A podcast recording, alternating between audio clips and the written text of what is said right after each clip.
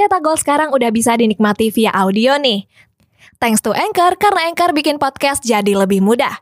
Aplikasi Anchor ini gratis, bisa di-download dari App Store dan Play Store atau bisa juga diakses dari website www.anchor.fm. Kita juga bisa langsung share dan publish hasil rekaman kita ke Apple Podcast, Spotify, Stitcher, dan lain-lain dari Anchor ini loh. Gampang kan? Pakai Anchor buat podcast jadi lebih mudah. Hai guys, bertemu lagi dengan aku Rizka Dila. Jadi hari ini ada berita menarik yaitu timnas Inggris yang berhasil melaju ke partai final Piala Euro 2020 setelah mengalahkan Denmark dengan skor 2-1. Sementara itu di Copa America ada Argentina yang menantang Brazil di laga final nanti. Simak selengkapnya di Cetak Gol Harian berikut ini. Berita pertama, Arsenal meminjamkan Matteo Gendozi ke klub Prancis Marseille. Kita beralih ke Spanyol, ada pelatih anyar Real Madrid yaitu Carlo Ancelotti yang berminat untuk mendatangkan Richarlison. Dan di El Real sendiri harus siap untuk kehilangan Gareth Bale yang berencana untuk gantung sepatu pada tahun depan. Pada hari Selasa kemarin, Arsenal resmi pinjamkan gelandang mereka yakni Matteo Gendozi. The Gunners meminjamkannya ke klub kenamaan Prancis Marseille. Kabar kedatangan Gendozi juga disampaikan melalui Instagram resmi dari Marseille. Nantinya gelandang asal Prancis ini akan bermain sampai tahun 2022 mendatang. Menurut laporan, Marseille membayar biaya peminjaman sebesar 993 ribu euro. Untuk bisa mendatangkannya secara permanen, Marseille harus membayar sekitar 12 juta euro. Selama membela Arsenal, Gendozi sudah bermain sebanyak 82 laga dan menyumbangkan satu gol.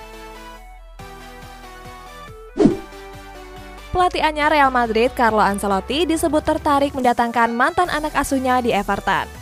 Kabarnya, pelatih asal Italia ini sudah menghubungi sang penyerang Richarlison. Ancelotti berminat memboyong bintang asal Brazil tersebut ke Santiago Bernabeu. Menurut laporan, Ancelotti akan melakukan pembicaraan dalam beberapa minggu mendatang. Selama membela Everton, Richarlison sudah tampil cukup gacor. Dari 119 laga yang ia mainkan, Richarlison sukses mengemas 42 gol. Bersumber dari marka bintang Real Madrid, Gareth Bale dikabarkan akan segera gantung sepatu pada musim depan. Kabarnya, Bale akan pensiun setelah masa kontraknya di Real Madrid habis. Kontrak Bale sendiri baru akan berakhir di tahun 2022 mendatang. Sebelumnya, Bale dipinjamkan ke Tottenham Hotspur pada bulan September 2020 kemarin. Sementara itu, Bale mengatakan kalau dirinya masih tetap bermain di Piala Dunia 2022 mendatang. Hal ini terjadi seandainya Wales lolos dari babak kualifikasi.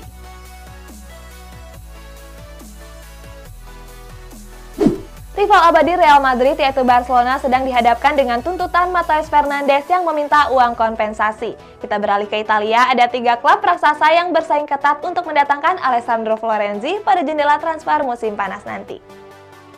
Pada tanggal 29 Juni kemarin, Barcelona memutus kontrak gelandang bertahan mereka yakni Mateus Fernandes. Sejak didatangkan dari Palmeiras, Mateus cuma dimainkan selama satu laga saja. Mirisnya, Mateus cuma diturunkan selama 17 menit. Dinilai kurang berkontribusi, Barcelona memutus kontrak pemain asal Brazil tersebut.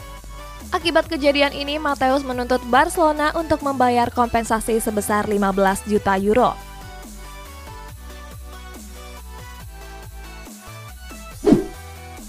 Tiga klub raksasa Serie A dikabarkan berminat untuk mendatangkan pemain bertahan AS Roma yakni Alessandro Florenzi.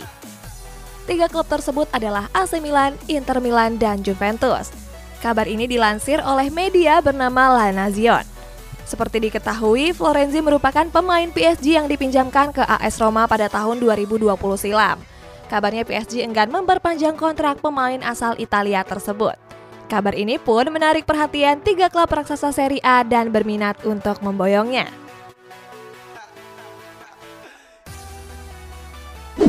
Masih seputar transfer pemain, Bayern Munchen dikabarkan bakal mempertahankan winger mereka yakni Kingsley Coman. Sementara si Bengal Mario Balotelli resmi memperkuat klub promosi Liga Turki yakni Adana Demirspor. Simak selengkapnya berikut ini. CEO Bayern Munchen Oliver Kahn dikabarkan akan memperpanjang kontrak Kingsley Coman. Sebelumnya winger asal Prancis ini dirumorkan bakal hengkang dari Allianz Arena. Alasannya karena Koman menuntut kenaikan gaji. Hal inilah yang membuat Liverpool memanfaatkan situasi tersebut untuk memboyongnya ke Anfield. Tetapi sayang Oliver Kahn ingin mempertahankan Koman di musim depan. Kahn juga yakin kalau Koman akan memperpanjang kontraknya di skuad The Bavarians. Mantan bintang Liverpool Mario Balotelli resmi memperkuat klub promosi Liga Turki yakni Adana Demirspor. Sebelumnya Balotelli memperkuat klub Italia Serie B AC Monza. Balotelli didatangkan dari Monza dengan status bebas transfer. Nantinya Balotelli akan menandatangani kontrak sampai tahun 2024 mendatang. Sepanjang karir Balotelli, Adana Demirspor merupakan klub ke-10 yang pernah ia bela. Sebelumnya striker asal Italia ini mengawali karirnya bersama Lumizen. Sponsor Griezmann dari Jepang langsung memutus kontrak setelah ia ketahuan melakukan aksi rasis kepada warga Jepang. Dan juga ada berita dari seorang satpam yang gak sadar menghalangi Bonucci masuk ke dalam lapangan. Penyerang Barcelona Antoine Griezmann tersandung kasus rasisme bersama rekan setimnya yakni Osman Dembele. Kejadian ini bermula pada video viral berdurasi 24 detik. Dalam video tersebut keduanya sedang menyaksikan tiga orang teknisi asal Asia di sebuah hotel. Tiga teknisi tersebut terlihat sedang memperbaiki televisi. Mengetahui hal tersebut, Konami membatalkan kontrak brand ambasador mereka bersama Griezmann. Konami sendiri merupakan perusahaan Asia yang berasal dari Jepang. Pada laga semifinal melawan Spanyol kemarin ada momen lucu yang berhasil tertangkap kamera. Saat itu bek tengah Italia Leonardo Bonucci dikira adalah seorang penonton. Setelah mengalahkan Spanyol di babak adu penalti, Bonucci berselebrasi dengan menghampiri para fans di tribun. Dan sejumlah penonton pun melompat ke arahnya untuk berfoto bersama. Berikutnya Bonucci ingin kembali ke lapangan untuk bergabung dengan timnya. Tetapi lucunya Bonucci ditahan oleh petugas keamanan karena dikira penonton yang ingin menerobos masuk. Di sepak bola Indonesia ada Egy Maulana Fikri yang dikabarkan sudah mendapatkan klub baru. Sementara itu PSSI berencana membangun training ground di dekat studionya cetak gol. Terus ada juga nih AFC yang resmi membatalkan AFC Cup tahun 2021. Oke sebelum dilanjut ada yang penasaran nggak gimana caranya bikin dan nyebarin podcast yang kayak begini? Ini karena tim cetak gol pakai Anchor. Mulai dari rekaman, edit suara, tambah lagu, sampai drag and drop bisa kita lakuin sendiri pakai Anchor. Satu aplikasi buat semua kebutuhan podcast kamu. Bisa di-download dari App Store dan Play Store atau bisa juga diakses dari website www.anchor.fm. Terus yang terpenting, Anchor ini gratis. Download dan coba sendiri setelah tonton episode ini. Masa depan Egi Maulana Fikri akhirnya menemui titik terang. Kabarnya bintang timnas Indonesia ini sudah mendapatkan klub barunya. Hal ini disampaikan secara langsung oleh agen Egi yang bernama Dusan Bogdanovic. Menurut Bogdanovic, Egi tinggal menunggu jadwal vaksin sebelum bergabung dengan tim barunya. Kabar terbaru menyebut kalau klub baru Egi akan diumumkan dalam waktu dekat. PSSI dikabarkan akan membangun training ground baru. Training ground tersebut akan dibangun di kawasan ibu kota baru yakni Panajam Pasir Utara dan Kutai Kartanegara. Sebelumnya pada beberapa waktu yang lalu, pemerintah menetapkan wilayah Pasir sebagai ibu kota baru Indonesia. Keputusan ini diambil untuk menggantikan Jakarta yang dinilai sudah nggak layak. PSSI dikabarkan sudah mengajukan permohonan lahan kepada Gubernur Kaltim yaitu Isran Nur. PSSI berharap kalau training ground ini punya kualitas yang sama seperti di Vietnam dan Thailand.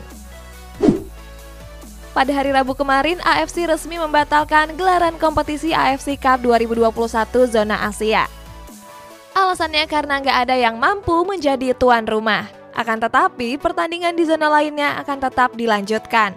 Zona tersebut yakni zona bagian barat, zona bagian tengah, serta zona bagian selatan.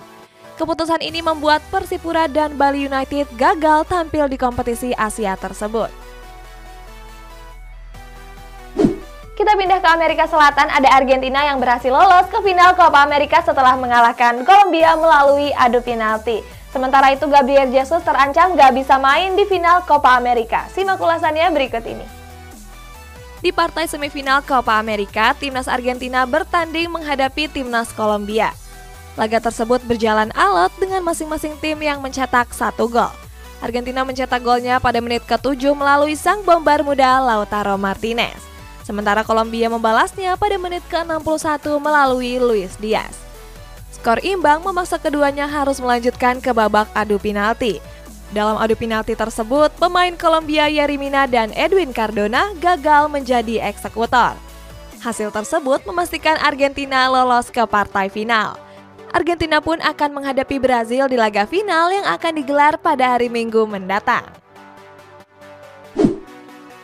Federasi Sepak Bola Amerika Selatan melarang penyerang timnas Brazil Gabriel Jesus tampil di final Copa America. Sebelumnya, Jesus mendapat kartu merah di babak perempat final saat melawan Chili. Saat itu, Jesus melakukan pelanggaran keras terhadap Eugenio Mena. Melalui Instagram pribadinya, Neymar menganggap keputusan CONMEBOL tersebut nggak tepat. Berita terakhir, Inggris berhasil melaju ke final Piala Euro setelah mengandaskan perlawanan dari Denmark. Nah, pada laga ini terdapat sejumlah fakta unik, termasuk penampilan apik dari Jordan Pickford dan Casper Schmeichel. Terima kasih sudah nonton dan sampai jumpa. Di partai semifinal, Inggris bertanding menghadapi Denmark. Laga tersebut dimenangkan oleh skuad The Three Lions dengan skor tipis 2-1. Di babak pertama, Denmark mengambil inisiatif permainan dengan tampil menyerang.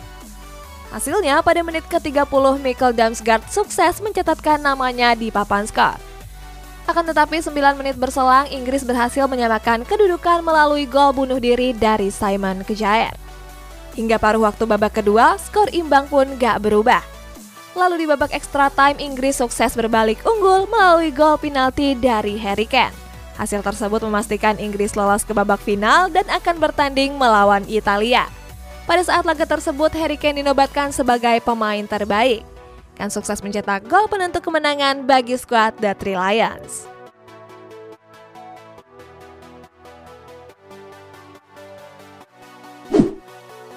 Di perhelatan Piala Euro 2020, penjaga gawang timnas Inggris Jordan Pickford mencatatkan rekor apik. Kiper Everton ini sukses mencatatkan rekor sebagai kiper Inggris dengan clean sheet terbanyak. Kiper berumur 27 tahun ini mencatatkan waktu bermain selama 721 menit tanpa kebobolan. Pickford bahkan melewati rekor yang dibuat oleh Gordon Banks pada tahun 1966. Saat itu Banks mencatatkan rekor nggak kebobolan dalam waktu 721 menit. Tetapi sayang di partai semifinal melawan Denmark, Pickford kebobolan melalui tendangan bebas Mikkel Damsgaard. Pada laga semifinal Euro 2020, penjaga gawang Denmark Kasper Schmeichel melakukan penyelamatan apik. Saat itu Kasper memblok bola dari sepakan Raheem Sterling. Sebelumnya Kasper juga pernah melakukan penyelamatan yang serupa. Saat itu Kasper memblok tendangan dari Patrick Vieira waktu ia masih membela Manchester City. Teknik satu lawan satu yang juga disebut star step ini merupakan warisan sang ayah Peter Schmeichel. Peter sendiri merupakan pemain handball sebelum bergabung ke Manchester United. Di perhelatan Euro kali ini, penyerang timnas Denmark Lord Martin Braithwaite selalu tampil reguler. Braithwaite selalu dimainkan sebagai starter selama 90 menit. Selain itu, penyerang Barcelona ini juga nggak pernah absen dalam lima laga yang sudah dimainkan. Dari lima laga tersebut, empat di antaranya dimainkan secara penuh selama 90 menit.